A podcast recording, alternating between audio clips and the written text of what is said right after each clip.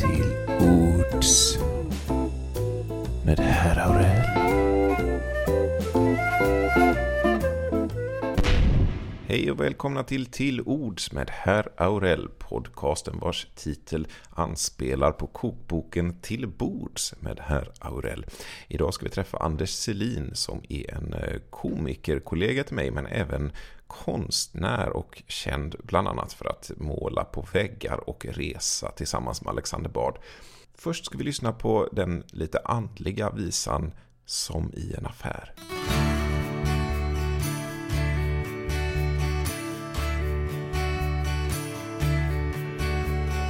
Några tror att himlen är som Bindefält upphöjt till tre Mingel med van Gogh och Jesu Krist Andra tänker gruppsamlag från 7 till 19 varje dag. Men jag vill hellre vara realist.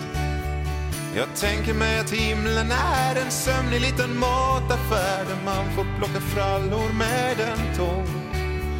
Där nyser någon och ingen vet att man har stått en evighet och trängts bland makaroner i en gång. Jag tror att det är lite sådär. Jag tror att det är lite sådär. Några tror att människans mål är mer än välja juice och tvål men ingen frälst av någon som helst bevis. Och finns det något som tyder på gudomlig ambitionsnivå utöver tårta brie till nedsatt pris? Helvetet har ingen sett med synd och straff och skrik och spett Då tror jag mer på fiskpinnar och flan jag tror att de som skäl och slåss får stå i samma kö som oss med skillnaden att de har med sig barn. Jag tror att det är lite sådär. Jag tror att det är lite sådär.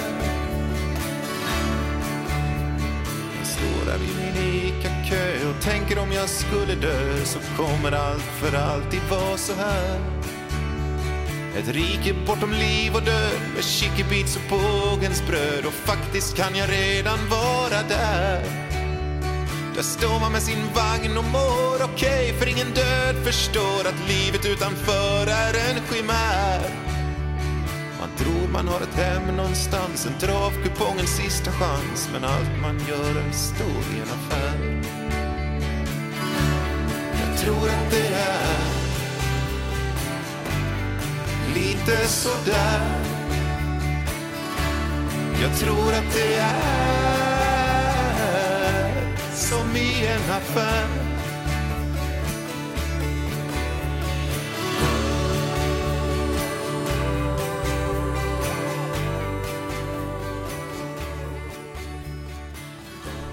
Hej! Då säger jag välkommen till Till Ords med herr Aurell och idag så har vi med oss Anders Selin. Nej men hej! Och eh, vi pratade just om hur jag skulle presentera dig. Eh, renässansman var ett ord du valde. ja, det var lite pretentiöst. Nej men jag är konstnär så innefattar det Ja, det mesta jag gör. det är ju också pretentiöst. Ja det är det. Det är nästan mer pretentiöst Jo precis, fast jag livnär mig på det. det är så att, Ja, så du får- Det är lite mindre pretentiöst kanske. Ah, okej, man ska leva på stipendier och så, eller man ska... Nej, jag, jag vet inte, jag har inte fått några bidrag. Nej, precis. Eh, Så att om man bara målar för sin försörjning så...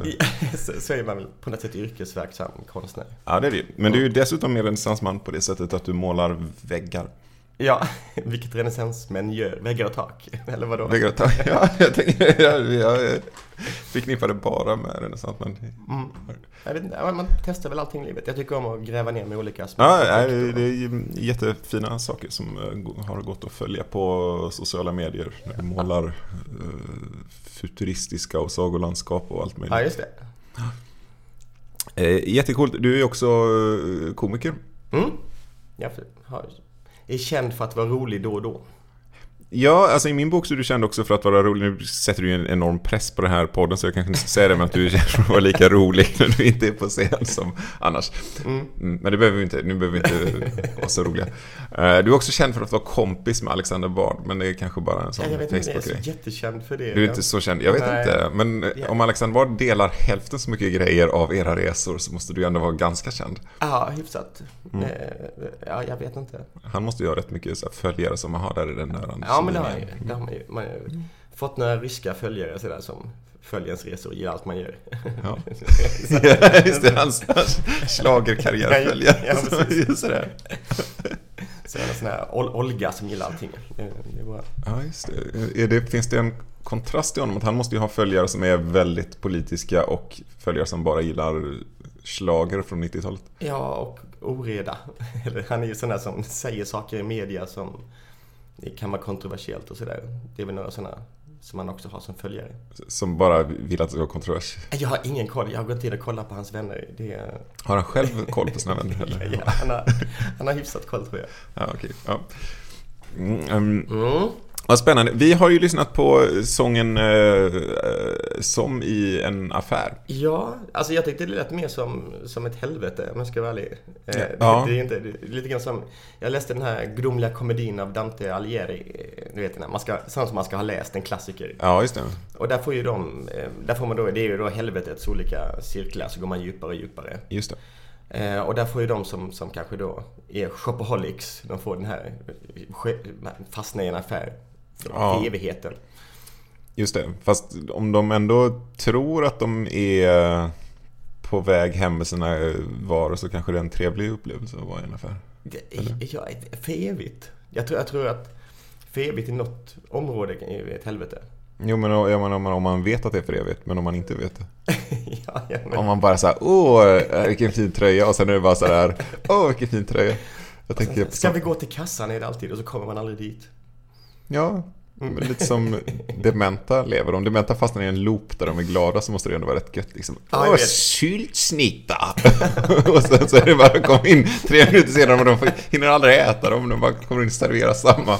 Det är som en sån restaurangbricka, sån här som man skickar in och ut för att få sälja sprit. Liksom. Och de blir lika glada varje gång Det är kommer. fantastiskt för en, för en ståuppkomiker för då kan man bara ha ett skämt som man går in med och sen bara berättar man det och sen när skratten dött så berättar man det igen och så. Jag tror, jag tror att det bokstavligen är så. Jag har inte uppträtt på ålderdomshem själv, men jag har hört folk som eh, kommer dit och mm. du, du, kan ha repertoar på tre låtar, sen har de glömt att de har hört dem. folk som är sådär, ah, kan du inte spela Fritiof och Carmencita? Jag spelade, just det. Det gjorde du inte! spela nu Fritiof! Och så blir de arga och tvingar den att spela den. ja, ja. ja, men det är väl det, det, är väl det alla eftersträvar nu att leva i nuet. Och det är ju... Och det är det de gör, lyckas verkligen. uppnå. Ja, Efter en långt eh, buddhistiskt liv så uppnår de den ja, ja, precis. att leva i nuet. Mm.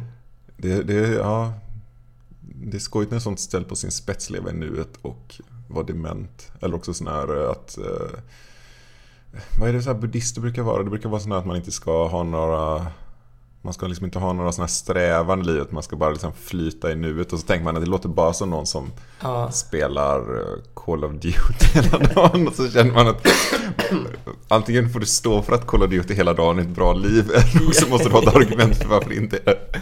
Ja, men lite så. Ja, det kan, jag är inte så inne på buddhism. Inte jag heller, jag har bara en fördomsfull bild som eh, ja, de, någon de, bisats. De verkar inte göra så jättemycket mer än att sitta stilla och tänka, tycker man. Ja, men jag, i alla fall uppfattat det som att vi, just det, prata närmare mikrofonen. Ah, okay, misstänker jag. Vi får se. Det, det, det här ah. Även om konkurrensen säkert är stenhård så är det säkert en av de poddarna som har sämst ljud i Sverige. Men vi behöver inte göra det värre än vad det är. Mm. Eh, jag har bara en fördomsfull bild av buddister som sagt. Jag, jag... Mm, jag, jag också. Men är inte du en sån uh, flumperson som borde ha koll? Nej, det vet jag inte. Alltså jag är väldigt realistisk. Eller? Ja, men eh, är det inte, är det inte sådana där eh, sökare som inte tror på något som hamnar till slut i buddhism? för att då får de flumma loss. yes, men... så, utan att bestämma sig för någonting. ja, men de behöver inte stå för så mycket. De kan ändå försvara liksom, ah, men det är bara att man, eh, man får ändå tillbaka lite det man ger och man känna sig väldigt andlig och ha en fläta. Ja, så, så. Ja, om man har fler frågor så, nej nu, nu ska jag vara tyst och gå in i mig själv. Ja. jag vet inte. Jag, jag har ingen aning. Jag, jag, jag, har gått in på just religion och börjat gräva och sånt i det på senare tid. Så jag, inte, ja. jag har inga svar än. Jag har några teorier som jag eh, håller öppna så att säga. Eh, och, och försöker samla upp bevis till dem och se vilka som håller.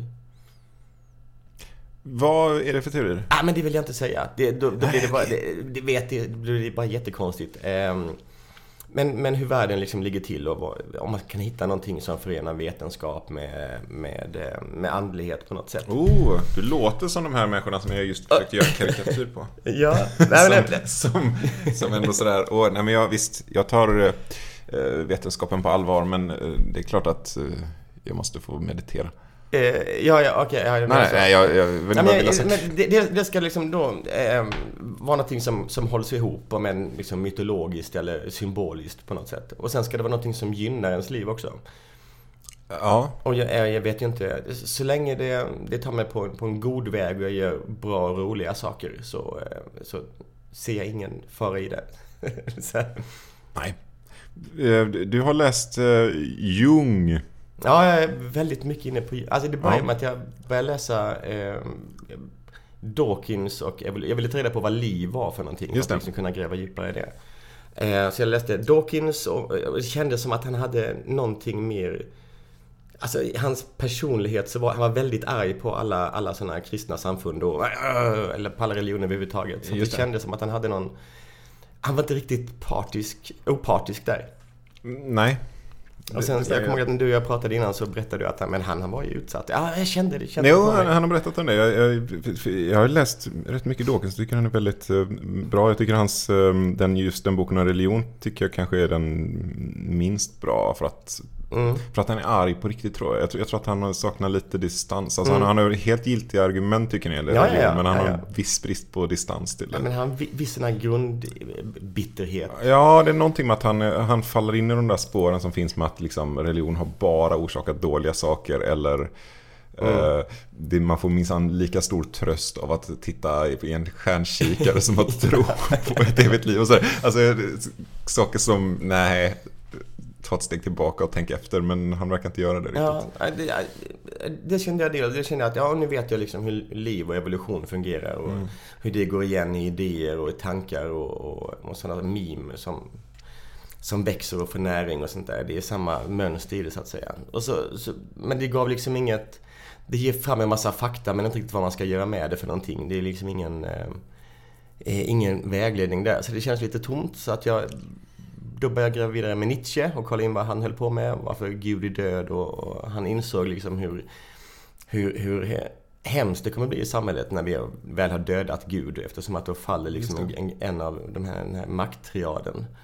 Och det blir en slags ojämnhet. Eh, och sen efter Nietzsche så började jag läsa Freud för att just ta reda på att för Nietzsche blir också, när jag läste hans böcker och så kom till hans självbiografi och sådana, han blir galen på slutet. Och så blir det liksom svårt att avskilja vad, vad är genialiskt och vad är galenskap, liksom ren... Nietzsche pratar vi om? Eller?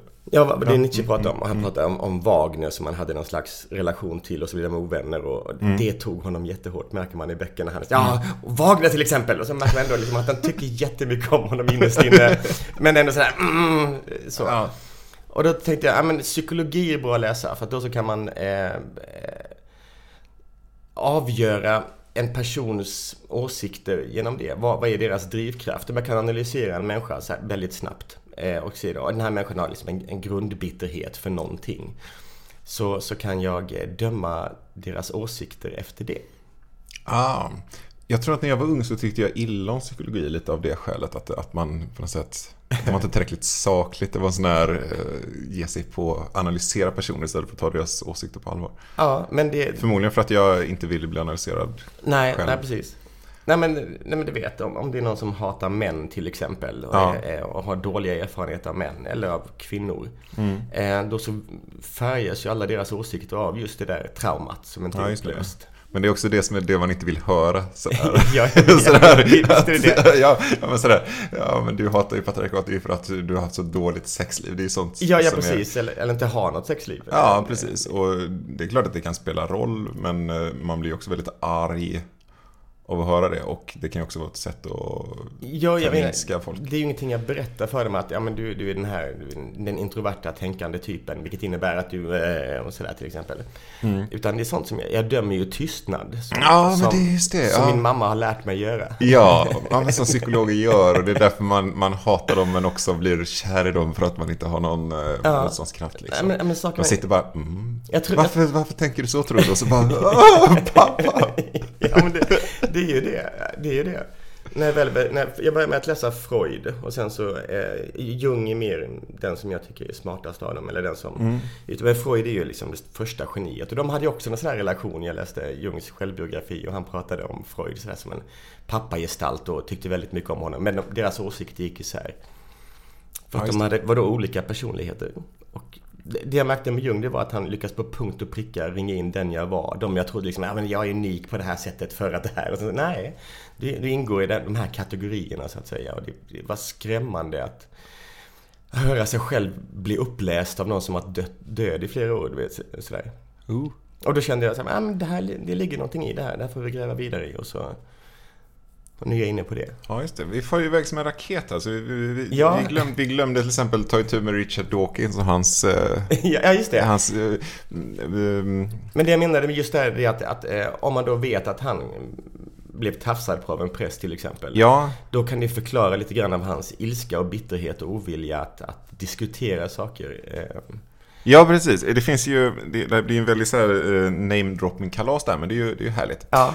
Och uh, vill man läsa någonting av Richard Dawkins som, uh, som det första jag fick läsa på någon kurs någon gång så finns det en väldigt fin essä som handlar om medvetande virus. Jag minns inte titeln på den, men han beskriver just hur religionen... Ja, men det är memes han pratar om det. Ja, mm. precis. Jag vet inte om den är till och med ett kapitel från hans bok eller om det är en fristående grej. Det Nej, minns jag inte. Men han beskriver just hur religion är, fungerar då som Uh, ja, men det är ett meme, en religion beskriver han specifikt som ett virus, förmodligen för att han hatar religionen och vill få fram ja, ja, att den sprids uh, på samma sätt, att den liksom infiltrerar. För det finns ju memes som också är sund uh, tanke-DNA, alltså mm. man lär sig hur man gör jul och så sprids den kunskapen vidare, men det är också en meme. Ja, precis. Men religion har... Ett... Meme är då alltså den, den, de väsentligaste delarna av en idé.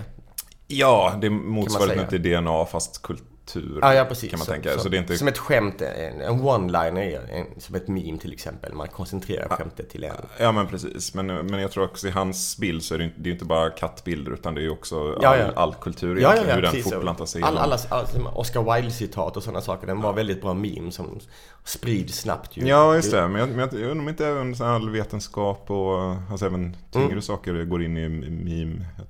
Allt följer evolutionens eh, struktur. Men där skulle ju då just religionen vara genom att uh, infiltrera tankemössen och ha liksom tillfredsställande chockar så nöter ja, sig fast i medvetandet ja, och parasiterar på det och lever vidare så här, som, en, som ett virus.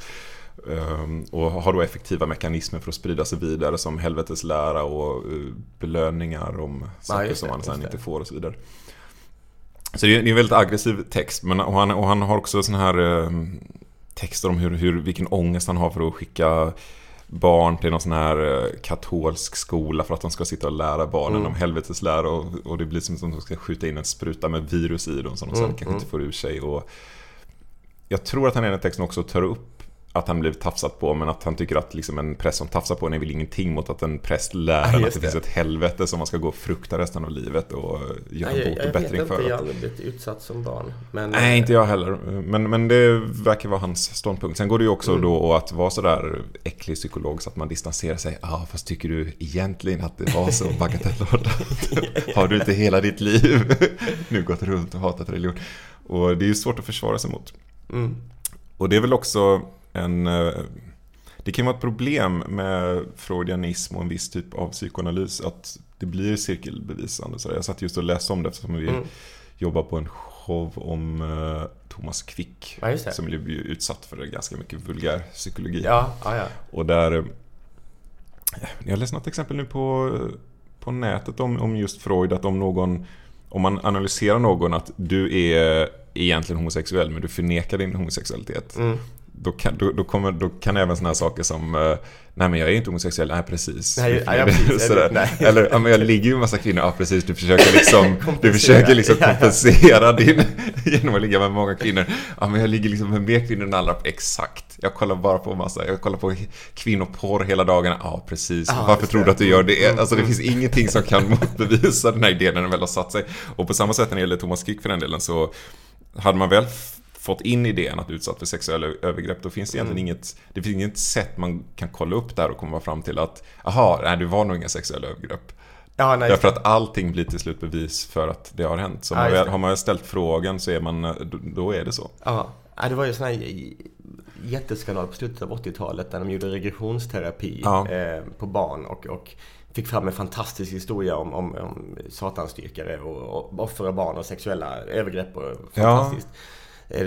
De högsta domarna som har getts i amerikansk domstol tror jag det var sådana 700-800 år de fick.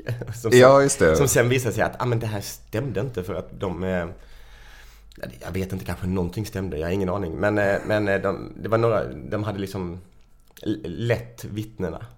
Ja, nej det finns flera historier om det. Det fanns väl en sån epidemi nästan på 80-talet med konstiga sex Ja, mycket, domar. Mycket det, var, det, var också, men det var så här dagistanter och sådär. Det var inte bara några nej, klassiska skyldigheter utan det fanns här dagistanter i USA som blev sådär, ja men ni har ju en underjordisk katakomb där ni tvingar barnen att hoppa groda nakna och så.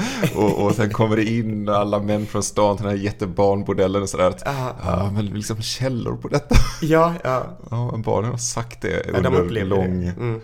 När vi har frågat tillräckligt många gånger så säger de det här. Ja, precis. Ja, men det, det därför är jag så intresserad av psyket. För att om man väl lyckas gå in där och gräva så hittar man massa saker just i det undermedvetna som inte jag trodde på alls förrän jag blev 40 och insåg att okej, okay, jag har blivit styrd åt ett visst håll på grund av olika barndomstrauman eller saker som har hänt eller man har fått för sig och sådär. Ja, just det. Men vet du det då eller, hur, eller känner du bara igen dig så mycket? Nej, nej, nej. Eh, Ja, men om man kollar på till exempel familjeförhållanden så alltså har ju de styrt mer än vad jag trodde de har styrt mig. Och när, när jag, eh, liksom mitt karriärsval, varför jobbar jag med ståuppkomik till exempel, eller varför är jag konstnär och, och sådär. Eh, och när man märker mycket det har styrt den, som inte man hade koll på, då blir jag intresserad av det undermedvetna. För att det är ju där man, källaren man lägger all skit i som ligger där och bubblar, bubblar upp när man drömmer och sådär. Ja, just det.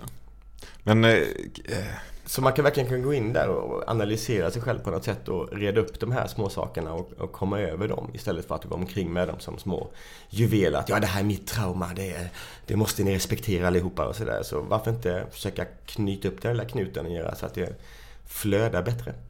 Ja. Det är min plan i alla fall. Ja, funkar det då?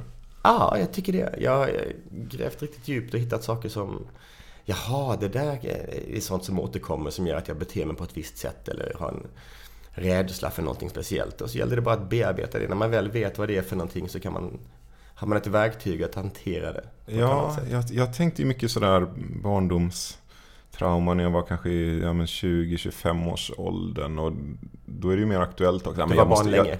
Jag, ja, det var jag definitivt. Jag vet inte om jag ens har, jag slutade kanske vid 28 var barn på det. Men mm. jag, jag absolut, jag är någon sån barnperson. Mm. Men, eh, vad skulle jag säga, jag... Eh, Trauma. Trauma ja. Jo men jag, jag förstod mig själv som eh, att man måste förstå sig själv utifrån sin barndom och tänkt mycket på sånt. Och i, i, finns det en sån här konstnärstradition och vi ska, nu ska vi spela, skriva teaterpjäser där det finns ett sån här eh, katarsis-moment där det förflutna kommer upp ah, och så ja. läks man av ah, den här ja. krisen. Att är väldigt freudianskt tänkande i mycket gamla pjäser som jag läste. Mm. Eh, men sen har jag läst böcker senare som ju framhäver väldigt mycket biologins betydelse och som kanske överdriver åt det hållet. Mm, mm. Och det finns ju en del sådana här roliga grejer om ja, men, tvillingstudier och sånt där, där det visar sig att uh, tvillingar som har växt upp på helt olika håll, helt olika erfarenheter, sen bara beter sig exakt likadant ja. i alla fall.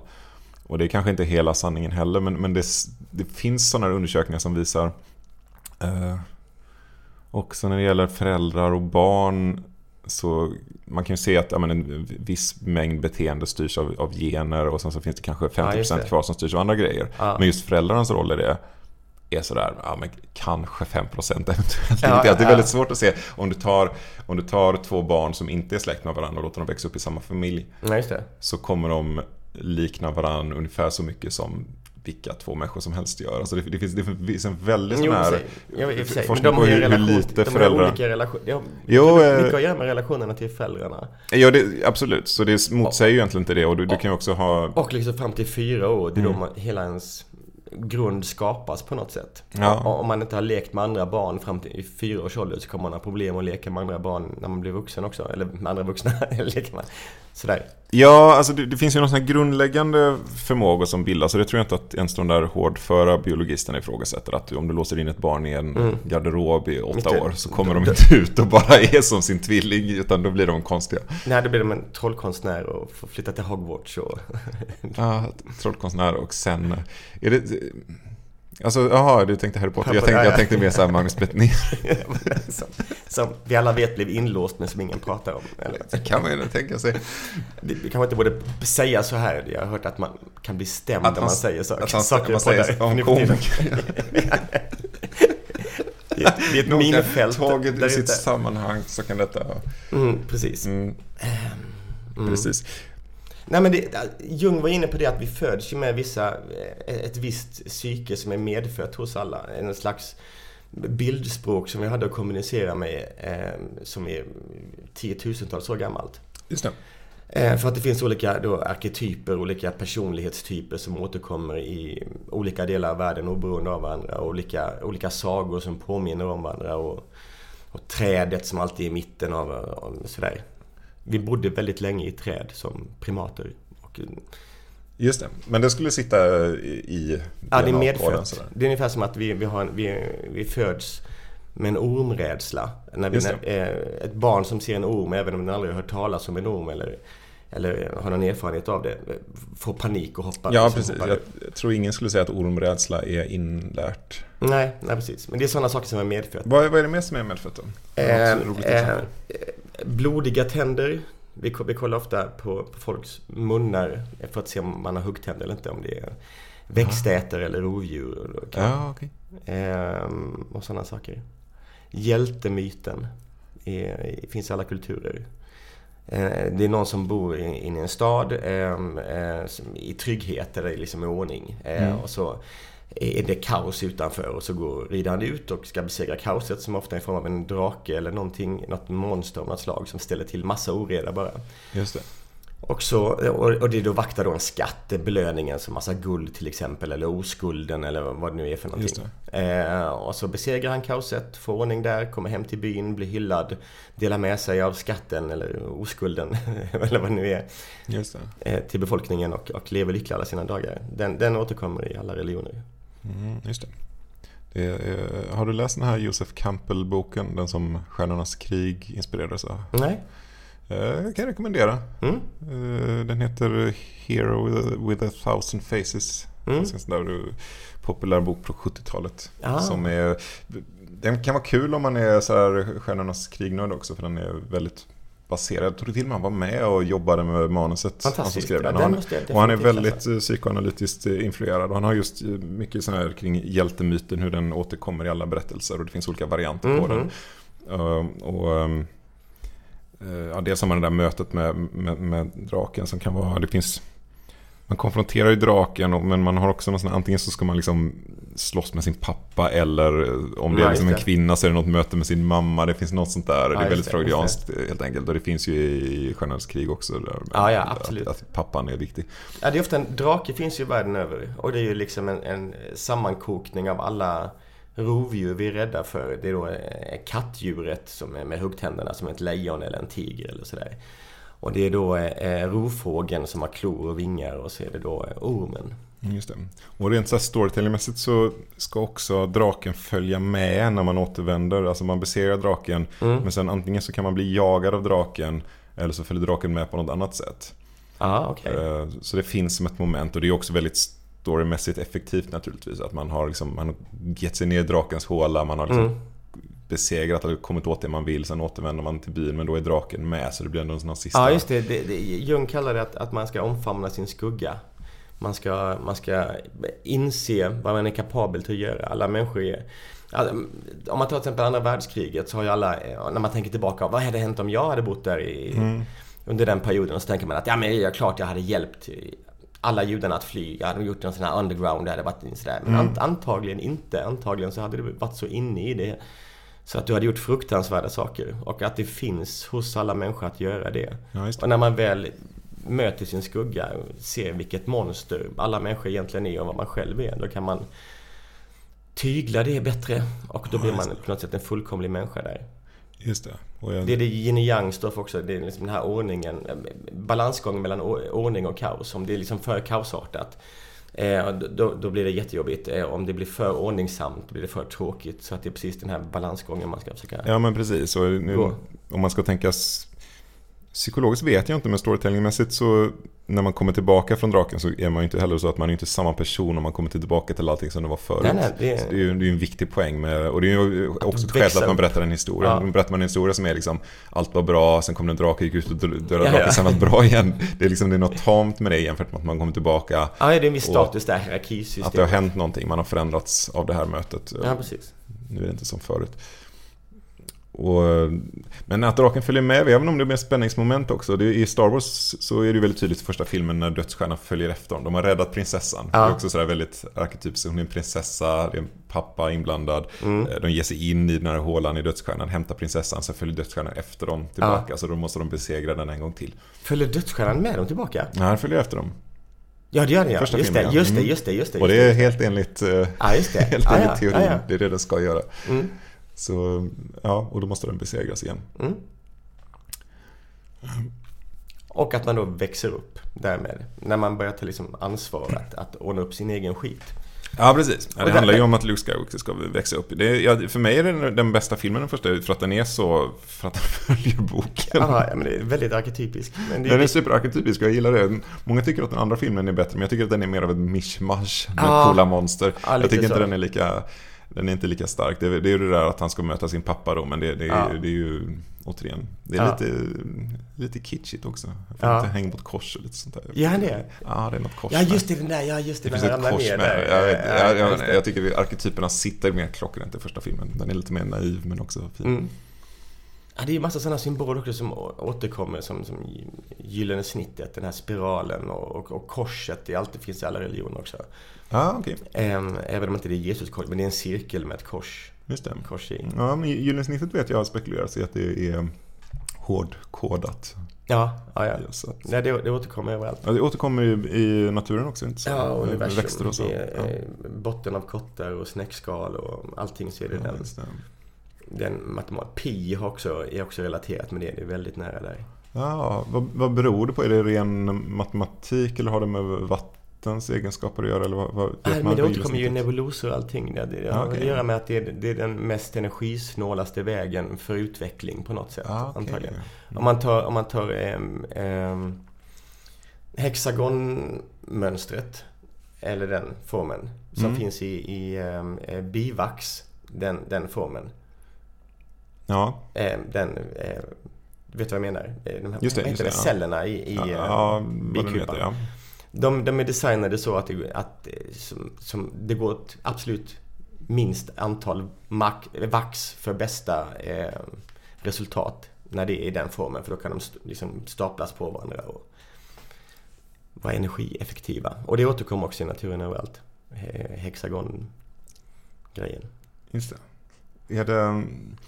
Eller pentagon. Finns det, finns det någon motsättning i det här? För nu tänker jag, vi har ju liksom det här arketyperna som är nedärvda och sen har vi barndomens oerhörda betydelse. Finns det inte en motsägelse i vilket som är viktigt? Där? Eh, hur menar du? Vilket att, som styr mest? Ja, eller? så styr vi av det här allmänna nedärvda gyllene snittet. Ja, jag, jag vet eller inte styrs det. vi av våra specifika uppväxt? Ja, jag det känns som att det är två olika... Vi gillar symmetri. Vi, jag tror det är, en blandning av det, av det fysiska och det psykiska på något sätt. Mm. Det är väl där det intressanta händer. Det är väl där jaget skapas. Det är där det, alltså det som, det som jag tror att om man... Må... Men om vi tänker så här då, hur, hur föränderlig är man? För en del av den här jungianska, om man säger så, det beskriver du, det här är, det här är allmänmänskligt, det här är någonting som... Ja, just det, någonting som vi föds med. Ja, och i, i alla fall en viss bild av det freudianska så är man ju väldigt formbar. Liksom. Vi är som vi är för att vi har en specifik barndomserfarenhet och ändrar man vår erfarenhet så blir vi helt andra människor. Ja, det är väl det som är utveckling. Mm. Eh, tror jag. Sen är det också när man fyller 40 år, då ändras ju hela ens psyke om på något sätt. Det är en slags stor omstrukturering där som inte man är för, riktigt förberedd på. Ja. Vadå? Nej, man inser att man eh, inte är så jätteung längre och, mm. och liksom döden börjar närma sig på något sätt. Eller det är ett, ett helt ja. annat sätt att se på livet. Det, Usch ja, låt oss prata om detta. Psyket förändras där. Ja men det är intressant. Det, ja. Man kommer ur det mycket starkare. Om inte man tar livet av sig såklart, vilket väldigt många män gör vid 40 Ja, det är en vanlig... Men fortsätter man inte göra det ett tag då? Är det inte... Jag får för mig att folk mår sämre och sämre fram tills de är 70, 80, någonting sådär. Då mår de bra igen, men det är lite sent. Kanske. Jag tror... Ja. Jag försöker bara gå in och reda upp så mycket, mycket av de saker som jag inte är nöjd med hos mig själv. Alltså, ja. och ta fullt ansvar för mitt liv. Har jag du tror... haft en ålderskris? Ja. Eh, det har jag väl på något sätt. Att, att um, det är inte hållbart med en Peter Pan-livsstil längre utan det finns fördelar att hämta att vara vuxen också. På vilket sätt tycker du att du är vuxen? jag vet inte. Jag vet du inte. målar och reser runt till ah, Indien och sådana ställen. Ja, jag, jag får bestämma mitt eget liv. Det är, ja. en frihet. Jag tar ja. ansvar där för, och, den biten. Jo, jo, det ser jag. Och, och, men, och, och ta ansvar för att äh, vara glad. Ja. Men på vilket sätt är det inte en Peter Pan? Om du skulle beskriva Peter Pan-livsstil och sen säga att nej men det här är... Ja, men, nu har jag valt det här jo, En barnslig livsstil, det är när man skyller ifrån sin alla fel på, på andra saker. Att ja, ja, ja, det är så, jag är som jag är. Sådär och jag har väldigt... Man, man, är inte intresserad av att, att riktigt arbeta med sig själv på det sättet. Man har en väldigt barnslig attityd till saker och ting. Ja, men det är någon annan som fixar det. Det är sådär. Ja. Okej, okay, så du, men, du menar att du, du, har Peter, du lever som Peter Pan men du tar ansvar för det? Eh, nej. Peter Pan är mer av en narcissist. Jag är inte, jag är inte riktigt narcissist. du, ska vi säga att alla ser ju inte hur Anders Selin ser ut, men han har så kontur, någon så konstig konturrakat skägg med mönster i. Och du har färgat dina tinningar. Nej, det har jag inte. Det är grått på riktigt. Jaha, du har färgat resten av håret. Ja, men du har medvetet lämnat, lämnat tinningarna för att få de grå tinningarnas charm. Ja, just det. Precis. Jag tänker mer som en slags eh, seriefigur. Du tänker det som en seriefigur? Mm. Mm. Det är lätt, lättare för folk att hantera. Ja, just det. Och, eh, men du är inte en narcissist? Nej. Man måste ju inte vara narcissist för att man har... Narcissist det grundar sig på en slags självhat. Och, och jag, jag, tycker jag är helt okej. Okay. Men tror du inte att andra narcissister, vilka narcissister känner vi? Vi behöver inte peka ut, eh, men eh, Donald Trump-människor är väl narcissist? Tror du att, eh, tror ja. att han går runt och tänker, eh, jag hatar ju mig själv? Ja men det är någonting som driv, får honom att ha den drivkraften att, att, att och jag har inte den drivkraften. Så... Ja, jag hade när jag var yngre, absolut. Att det här med liksom uppmärksamhet var det absolut viktigaste. Ah, okay. Det var därför man drog sig till ståuppbranschen och sådär. Just det. Men, men sen så blir det, det blir tomt på något sätt. Det går liksom inte att, att, att kompensera i längden där. Nej, just det. Nej, men jag, jag har nog drivits av självhat på det sättet att jag vill ha uppmärksamhet. Och väldigt kortsiktig också. Jag har bara mm. velat stå på scen ja, ja, en kväll och känna mig lite bra. Och sen har jag inte tänkt på nästa dag. Ja, precis. Men sen om man går in och gräver i det. Vad är det som får mig att, att vilja göra det här och fylla eh, hålet under mitt hjärta med främmande människors kärlek som ja, egentligen inte betyder någonting. Och då, är, då, måste man gå ner till mamman och Då måste saker. man gå ner till mamman och pappan och, och se där, okej. Okay, alltså, jag, när jag kollar tillbaka på min men, barndom, jag, jag fattar ja. inte att, alltså min mamma hon kunde ge mig ungefär tre minuters uppmärksamhet. Det var gränsen innan hon bytte ämne eller började prata om någonting annat. Och ibland var det bara 30 sekunder. Så det gällde att liksom så snabbt som möjligt få hennes uppmärksamhet, locka till sig den. Jag, lärde mig hur man gjorde svartkrut när jag liksom var nio år gammal. Och, nej, fyrverkerier. Men det var ändå bara de här tre minuterna. Mm. Eh, och sen nu när jag blev vuxen så tänkte jag tillbaka på det. Men varför kan hon inte, fortfarande inte, ge mig uppmärksamhet? Varför frågar hon inte? Varför? Så. Och sen så insåg jag att ja, men hon har inte sett en hel film någonsin i sitt liv. Hon brukar alltid gå och lägga sig. Tänk om hon har ADD, liksom mm. koncentrationssvårigheter. Och plötsligt så jämför jag med andra kompisar till mig som har det. Och då känner jag, ja, det är klockrent. Det, det är. Så det kanske inte är att hon är väldigt ointresserad av mig. Det kanske bara att inte hon kan koncentrera sig. Ja, just det. Den förklaringen hjälpte väldigt mycket och då kändes det liksom lite så här, ah, så hela mitt liv har jag du vet, format mig. Har du gått, i, gått i terapi eller har du bara nej, nej, själv terapi? Bara, bara själv.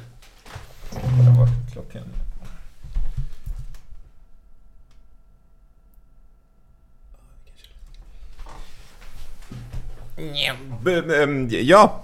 Ingen terapi. Ingen terapi? Eh, nej, utan bara själv... Är du för terapi? Vad sa du? Är du för terapi? Psykoanalytisk? Det, det, det, det beror på vad det är. Om det bara är att man ska prata om sitt problem hela tiden utan att göra någonting åt det så är det ganska meningslöst. Då är det bara liksom sitta och skvallra i en timme. Men om man är verkligen är intresserad av att, att utveckla sig själv, att liksom, då kan det väl vara bra. Och att få verktyg att hantera sina, sina små problem. Jag vet inte, jag har inte varit på någon psykolog. Aldrig någonsin? Nej. Nej, knappt jag heller, men jag borde ha gjort det. Jag, jag... Ja men så säger alla, du vet såhär, jag borde... Ja, nej men jag var nog, jag hade nog behövt det när jag var yngre. Men jag... Tror du det? Var, var du väldigt melankolisk som barn? Ja, nej, framförallt när jag var ung, kanske så 20-årsåldern. Väldigt konstig. Jag konstig ganska länge. Jag, jag är lite konstig nu också, men eh, inte alls. Är det sant? Att jag var konstig? Ja. Är det, tittar du på mig och tänker, han kan väl, han måste väl haft varit helt Nej, men jag, normal när Hyfsat städad och du vet, du, du, du rakar dig och är ren och prydlig och liksom sådär. Luktar inte speciellt konstigt då, ni vet. Nej, jag vet inte var du drar gränsen för att vara konstig. Ja, nej, vill inte, få det här att handla om mig. Nej, jag var jätte... Jag var lite så här bipoläraktig men väldigt introvert och uh, asocial och mm. satt och pysslade med mitt och mådde dåligt i perioder. Så. Det är inget, det är inget jättespeciellt men Nej. jag tänker att jag kunde ju ha pratat med ja, Absolut. Alltså just när jag läste om, om Jung och alla hans personlighetstyper, han delade upp dem i introverta och extroverta. Vilket mm. inte är alls vad folk tror att det är. Eh, man tänker att en extrovert person, den är väldigt mycket utåt, vilket stämmer. Men den, den tar också in, processerar fakta på ett helt annat sätt. Mm. Än, än, vad folk eh, tror. Och introverta, de, de förkroppsligar mer det, de känner mer. Och, och tolkar saker på det sättet. Och om man bara vet om man är introvert eller extrovert så hjälper det en att att kommunicera med andra. För då vet man, ha de tänker så. Han är inte psykopat, han är bara väldigt extrovert av sig. Du vet, därför, inte han, ja. därför kan han distansera sig till vissa saker som jag tycker att, inte, brinner du inte för det här? Nej, jag tycker inte så här. Mm. Så det är intressant. Folk borde läsa psykologi, man, man lär sig jättemycket. Om sig själv och andra. Blir, blir, har du blivit lyckligare? Eh, ja, ja, eller man hanterar sig själv och andra bättre. Jag tycker det är lurigt. Jag, jag, jag tycker jag, är, jag har mindre problem nu, men jag inte om jag är lyckligare för det. Jag kanske bara är mer uttråkad. Ja, kanske. Om vi ska avsluta med att prata något om eh, religion och andlighet. Eh, eh, tror du att vi kommer sluta tro på Gud snart? Som... Mm, vi har redan gjort det, det är det som är problemet. Ja. Att, att, när man slutar tro på någonting som är större än sig själv på något sätt. Eller mm. när man inte har någon förebild att se upp till, att sträva efter, då faller ju samhället. Vilket det har gjort flera gånger innan när man kollar rent historiskt sett. Fast vi har alltid haft liksom religionen att falla tillbaka på, eller tradition att falla tillbaka på. Ja. Men nu när vi har avskaffat en av de bitarna som liksom håller stabilt, då det blir det väldigt osäkert. Så du tror att det kollapsar? Nej, jag tror att det, det har redan kollapsat. Ja. Eh, och, och, nu håller vi på att plocka ihop bitarna. Okej, vad ska vi behålla? Vad ska vi slänga? Vad ska vi försöka...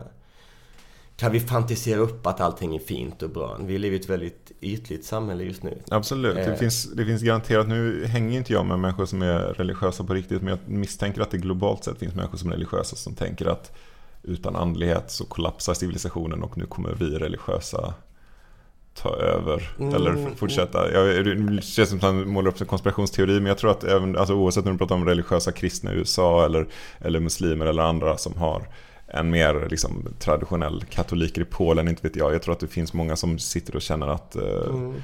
nej, det går inte utan religion. Vi måste, måste ha någonting sånt. Och jag tror väl inte det, eller det är för deprimerande. Jag tänker att nej, nej, vi ska sluta vara barn. och så ska vi vara supersekulära på något sätt gjorde vi något val där. Att, att när evolutionsteorin kom och då vetenskapen kom in och fick massa makt. Och så, då så valde vi det rationella av det och så valde vi att förkasta religion helt och hållet och allting som hade med det att göra. Vilket kanske var ett misstag eftersom att eh, det ger en form av struktur till det hela. Så om man går till religion i grund och botten så är det på något sätt eh, eller andlighet, det är att, att självutveckling. Fast inte sån här självhjälpsboksgrej. Utan att försöka växa som människa på riktigt. Och inte bara komma ur de här små looparna som man har och, och bli bättre. Men man kan hitta en helt sekulär andlighet då som att man slipper tro på konstiga saker? Ja, ja, ja, ja, alltså, ja. Ja, det tror jag säkert. Det finns, det finns vissa intressanta substanser där ute som... som eh, Knark som religion? Eh, det, jag vet, det finns ju en sån här 1800-talsidé om att konsten ska ersätta religionen, men den är mer... Eh, men, men konsten idag, det är inte det är mest utsmyckning av lokal på något jag sätt. Vet. Det, det finns... Warhol dödade konsten. Jag det, tror också det. det. Läser man gamla romaner och de pratar om konst så menar de någonting som det är lite som när man pratar om folk som pratar om ära och sånt. Mm. Man fattar att det är ett ord som betyder mycket för länge sedan, ja. men det går inte riktigt nej, nej, nej. att ta in det. Och konst...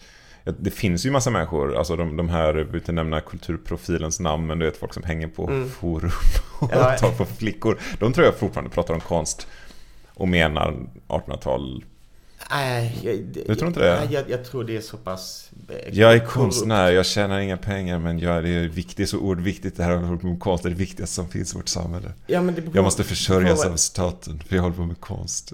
Ja. Det finns inte en sån ändå? ja. Du är ju konstnär så... så uh... jag, jag, tror att riktiga konstnärer de, de de målar det som är liksom mellan, mellanrummet, det som finns mellan meningar, det som inte går att beskriva på något sätt. När, när, när, ja. man, när, man, när man ser en tavla till exempel och bara wow, vad är det, var, var, varför dras så många människor till den här tavlan? Vad är det för något speciellt med den? Men man kan inte riktigt sätta fingret på det. Det, det, det är riktig konst för mig. Jo, absolut. Jag, jag bara tänker att det fanns en sån tid, jag kanske inbillar mig för jag levde ju inte då, men att när Richard Wagner skrev sina operor så är det nästan en religiös handling. Man ska inte nödvändigtvis gå dit för att, ja, för att man njuter alla sex timmar, utan det är som en, det är som en mässa. Man går dit och känner, därifrån man känner sig renad. Man känner att nu man har lyfts till en annan nivå av lite andlig strävan nästan. Och det, jag vet inte om det finns någon sån konstnärlig ambition jag, jag, på det sättet. Jag, att, att konsten är något fint och heligt och någonting som... Det har blivit, det har blivit liksom en slags eget monster, hela popkulturen kring det hela. Ja. Eh, men om man tar Wagner och klassisk musik till exempel så öppnar det upp ett väldigt abstrakt tänkande. Vi kan inte riktigt fatta varför vi känner som vi gör. Det är en slags annat sätt att tänka på. Absolut. Och, och som, som, går förbi våra näthinnor också. Som, jo, jo, det är jättefascinerande. Det funkar ju fortfarande. Det är inte så att folk har slutat lyssna på musik. Det är kanske fler än någonsin som lyssnar på Wagner, inte vet jag. Men, mm. men, eh, men, man kanske upplever det mer som en drog just som du beskrev än som att... Ja, men det är en drog. Ja, men det är mer, kanske... TV är en drog och radio är en drog. Det är, det är någonting som pumpar i oss, som vi passivt tar emot och som släpper loss olika kemikalier i vår, vårt huvud. Vi är bara stora kemikaliepåsar. Absolut. Men vi kanske tänker mer på det som en drog än som en andlig eh, utövning. När vi tittar på TV. Ja, precis. precis. Men det finns ju också tre, om man tar Terence McKenna till exempel, som var en botanist. Han och hans bror forskade mycket i, i, i svamp och ayahuasca och DMT och alla möjliga psykedeliska droger. Och de hade ju en teori om att, eh, eller Terence McKenna i alla fall, han hade att, att eh, religion skapades just om att vi hade svamp i olika religiösa ritualer. Som sen då försvann. När vi bara hade liksom ja, men, ritualerna kvar. Och då hade vi kvar ritualerna. Fast jag vet. Man, uh, jo, alltså det, jag trodde inte det heller. Uh, jag säger inte att jag har tagit någon form av psykedelika eftersom att det är, är väldigt olagligt i Sverige. Ja. Uh, men du har hört andra berätta? Jag, jag har hört andra berätta om, mm. till exempel om man tar en stor mängd svamp, vad som kan hända då. Och, och eh, eller om man tar en, en, stor mängd DMT. Då får man upplevelser som eh, är väldigt svårt att rationalisera bort. Ja, men, men det skulle jag nog inte ifrågasätta i och för sig att folk, och även folk som är psykiskt sjuka kan ju ha starka religiösa upplevelser. Så att, mm. att, det finns, ja, att det finns folk som har haft starka upplevelser tror jag, men, men om man tänker varför folk sprang runt på 1700 och 1800-talet och alla var religiösa och gick i kyrkan och trodde på saker. Mm. Så tror jag inte att man måste förklara det med att de hade några speciella upplevelser egentligen. Nej, men, det, jag, men jag, en... jag ser att grunden till de här sakerna, om man, om man tar... Jag tror att grunden till det har absolut med psykedeliska svampar att göra. Ja, fast de, alltså, de höll ju inte igång det bara av... Det är inte som när vi firar jul, att det är bara en trevlig tradition, utan det var ju viktigt för människor. Och jag tror att dels som ett socialt shit men också för att man faktiskt ville tro på liv efter detta för att livet var tufft och folk ja, dog som flugor nej, nej, runt Nej, men det har inte bara att göra med, med livet efter detta. Det, det, man har väldigt svårt att visualisera sig en, en evighet eller ett paradis, hur det skulle se ut. Eller, ja. eller, eller, eller sådana saker. Eller hur, hur, en gud skulle se ut om man mötte en gud. Ja. Eh, men när man väl har haft en sån upplevelse så, så eh, tänker man om lite grann att, ah, okej, okay, men då fattar jag, eh, eller de personerna, då fattar de vad, vad, vad religion har liksom, vad, vad källan är till det för någonting. Ja. Vi, vi lämnar det öppet. Okay. Det får jag säga stort tack till Anders Selin. Tack själv. Ja. Till ords med herr Aurell.